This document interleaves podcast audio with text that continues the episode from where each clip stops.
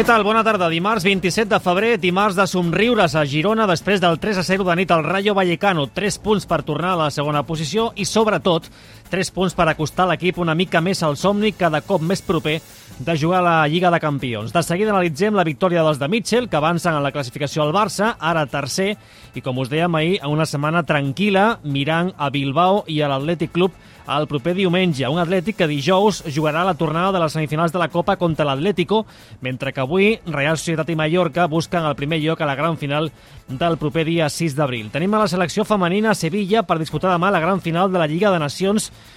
contra França. Aconseguida la classificació pels Jocs, ara queda arrodonir-ho amb un nou títol. De seguida anem cap a Sevilla també i escoltarem la central catalana Laia Codina, entrevistada ahir a Radio Gaceta de los Deportes. I també Ricky Rubio. Ahir, després d'aquest informatiu, va ser presentat com a nou jugador del Barça i va molt la pena recuperar alguna de les coses que va dir al base del Masnou. Amb tot això i alguna cosa més, arribarem a dos quarts de dues. Rebeu la salutació de l'Adriana Llacai des de les vies de so, de José Gil a la realització i de Pere Serrano a la producció. Us parla David Figueira. No quiero que tengan esa sensación de, de pesadez en las piernas cuando nos enfrentamos ahora mismo en partidos tan importantes que, que, nos van a marcar un poco hacia dónde vamos a llegar y bueno, eh, lo importante es que tengamos claro que nuestro objetivo es la Champions ya. Entonces hay que trabajar para ello. Queden 12 partits, 36 punts en joc i això és el que deia Mitchell ahir després del 3 a 0 al Rayo Vallecano. Girona, Josep Guardiola, què tal? Bona tarda. Bona tarda. 3 punts per tornar a ser segons i, sobretot, 3 punts per deixar el cinquè classificat ara a 10.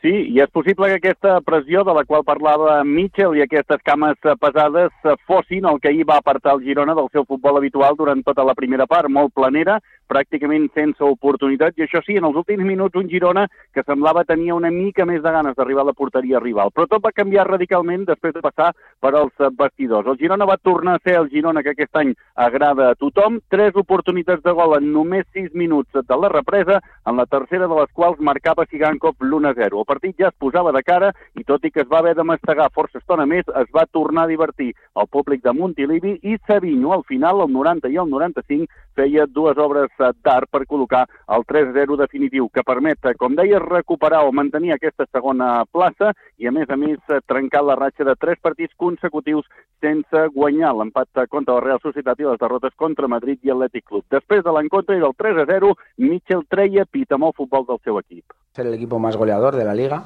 Hemos superado al Barça por un gol, que también era, se lo hemos recordado hoy a los jugadores, somos un equipo que queremos ser protagonistas, que queremos ir a portería rival, que nuestro orden mental del juego es ser, ser protagonistas con el balón y ser ofensivos y, y ser el mejor equipo de la liga en cuanto a goles nos, nos vuelve a hacer felices. Això és el que deia Mitchell, que a més a més també va venir la bona notícia de la tornada de David López a l'eix de la defensa. Josep, encara que sigui sense un micròfon davant, a Montilivi ja han començat a fer números de quan dels 36 punts que queden hauria de sumar el Girona per, com a mínim, ser quart i jugar a la propera Lliga de Campions?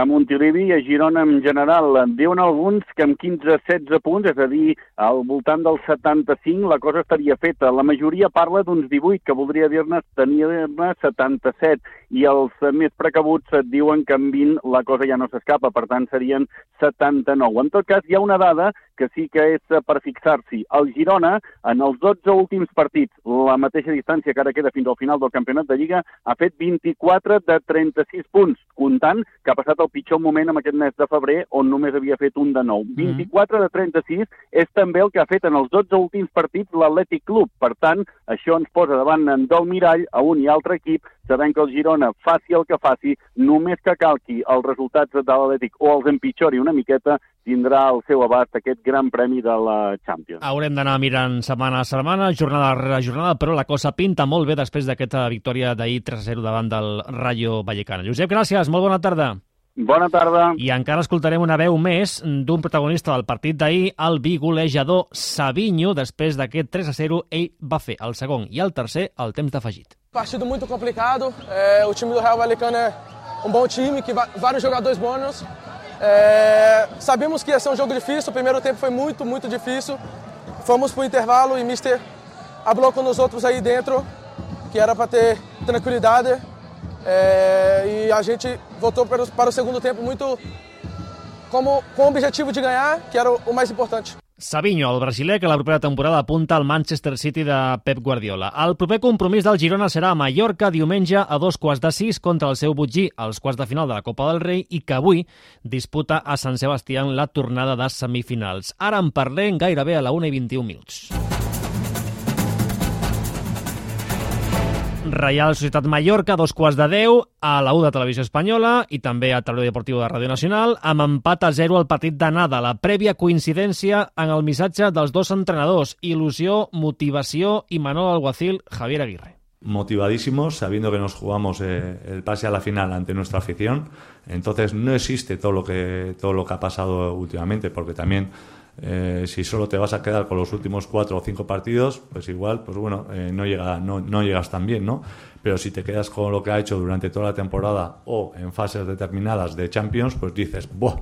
Los veo con mucha ilusión, lo mismo que, que decía de, de, de la gente, ¿sabes? No sé si la Real está más acostumbrada, no sé si llegamos en buen momento, anímico, físico y futbolístico, atendiendo, atendiendo a los tres últimos partidos. La Reial recupera Oyarzábal, ja veurem si per ser titular o no, i el Mallorca podrà comptar amb Raillo. El central de l'Espanyol no va jugar a nada per sanció.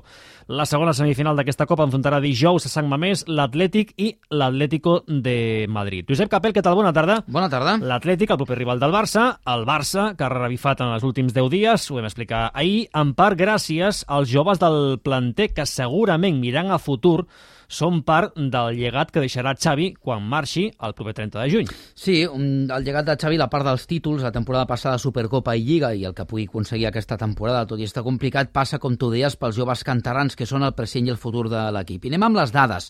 Ha fet debutar Xavi fins a 16 joves cantarans que jo diria que són 14, perquè hi han dos d'ells que tenim a les estadístiques, com són mm. Héctor Bellerín i Iñaki Peña, que van tornar ja grans i, per sí. tant, van redebutar o van debutar per primera vegada ja com a grans. Per tant, d'aquests 16 jo diria que són més bé 14. D'aquests 14, com es reparteixen? 5 en la seva primera temporada, cap dels 5 ara mateix està al club. 3 van ser venuts, per tant, se li van treure en calés, com són Ferrat Juglar, que va marxar al Bruixes, Stanis Pedrola a la Sampdoria i Mica Mármol ara mateix a la Unió Deportiva Las Palmes. Pels tres van treure 10 milions d'euros. A més a més d'Ilias Acoma, que ara mateix està al Villarreal, i també Álvaro Sanz al Mirandés. Per tant, de la primera temporada els va necessitar, va tirar d'ells, però d'aquí, tret de rendiment econòmic, poca cosa més. Anem a la segona temporada, a part del tema de Bellerín i d'Iñaki Peña, com et deia, jugadors que ara mateix encara estan pendents de poder arribar al primer equip, tot i haver debutat, com són Marc Casador, que està al filial, com Àngel Alarcón i Aleix Garrido, a més de Xadi Riat, ara mateix cedit al Betis i que, segons diuen, el Barça vol repescar per quedar-se'l pel primer equip, mm. i la Yamal, evidentment, al primer equip i titularíssim. I en aquesta temporada, en aquesta tercera temporada, ja són quatre jugadors els que han debutat. Fermín López, afiançat també al primer equip, tot i no ser titular indiscutible.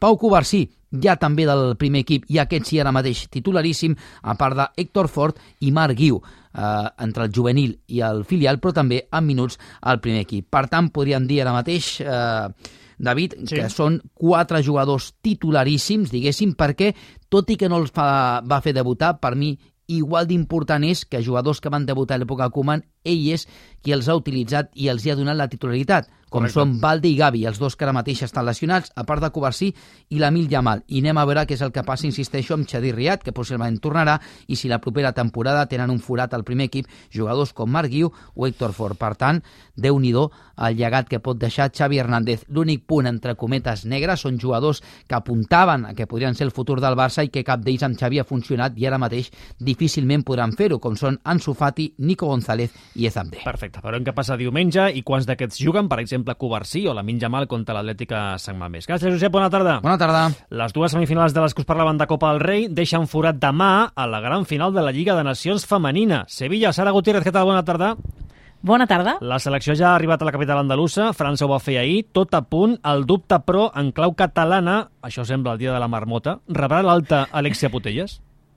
Doncs no ho sabem. Tenim el mateix dubte que abans del partit contra Països Baixos perquè la teoria ens diu que potser no està per jugar perquè en teoria, mai millor dit, eh, tant ella com Teria Bella l'estan seguint un procés de recuperació, que han vingut a la selecció per entrenar i no per jugar, però sempre és allò que acabem tenint el dubte, no abans dels partits, més tenint en compte que Alexia segueix fent les sessions amb les seves companyes, que Teria Bellera diumenge ja va entrenar amb el grup, de fet va ser el primer cop que, que ho va fer en aquesta concentració. No sabem què va passar ahir perquè ahir l'entrenament va ser a porta tancada, per tant nosaltres no teníem accés a, a informació, a imatges ni absolutament res i aquí és on és vital el que passi aquesta tarda. De fet, a tres quarts de set de la tarda hi ha l'entrenament oficial a la Cartuja, per tant, en aquells 15 minuts que ens deixen veure en obert serà quan nosaltres puguem una mica palpar quines són les sensacions, com les veiem a les dues, especialment Alexia Putelles, i més enllà d'això, dir que més enllà d'aquest entrenament també hi ha la roda de premsa prèvia, això serà 6 de la tarda, en aquest cas parlaran tant Montse Tomé com Jenny Hermoso, abans, bastant abans, a les 4 de la tarda, la roda de premsa de França,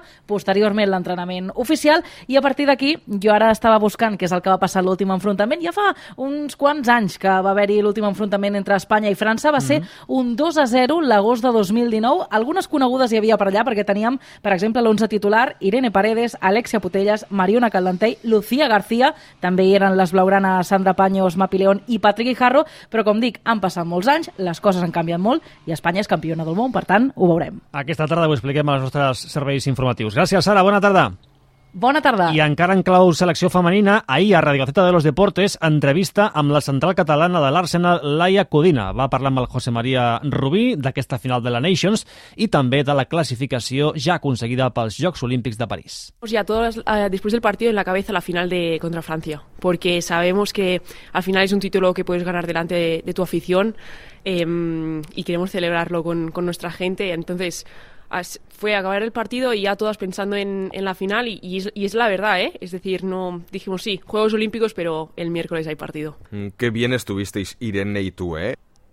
Sí, eh, bueno, nos gusta. De hecho, dijimos los, los 15-20 minutos, alguien dijo, joder, ahí eh, podríamos haber estado mejor. Y nosotras nos miramos y dijimos, nosotras disfrutábamos ahí defendiendo nuestra portería y, y entre ceja y ceja a la portería cero era, era la clave.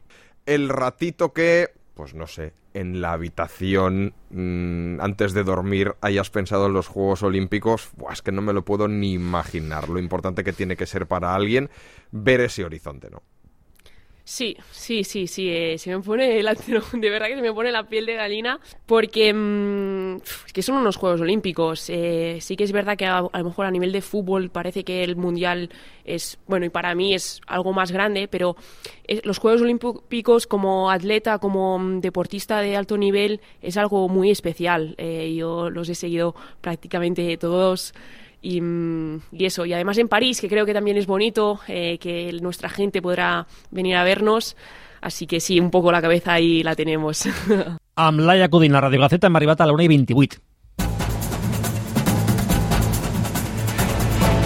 De la foscor, eh, però al final treballant se surt, potser alguns més llarg que altres, però amb l'ajuda necessària dels professionals, eh, problema de salut mental i, i també per la gent que no pateix però veu que algú està patint, eh, crec que pot ajudar, no? Ricky Rubio, ahir a la seva presentació com a jugador del Barça, discurs de 7 minuts i després a cor obert responent totes les preguntes dels mitjans. Com a resum, això que ara sentiu de com ha passat els últims mesos al base del Masnou. Es algo que uno tiene que vivir para, para saber lo que realmente es, pero creo que mucha gente, más de la que nosotros conocemos pasa por eso. ¿no? ¿Has subido alguna vez al Dragon Khan?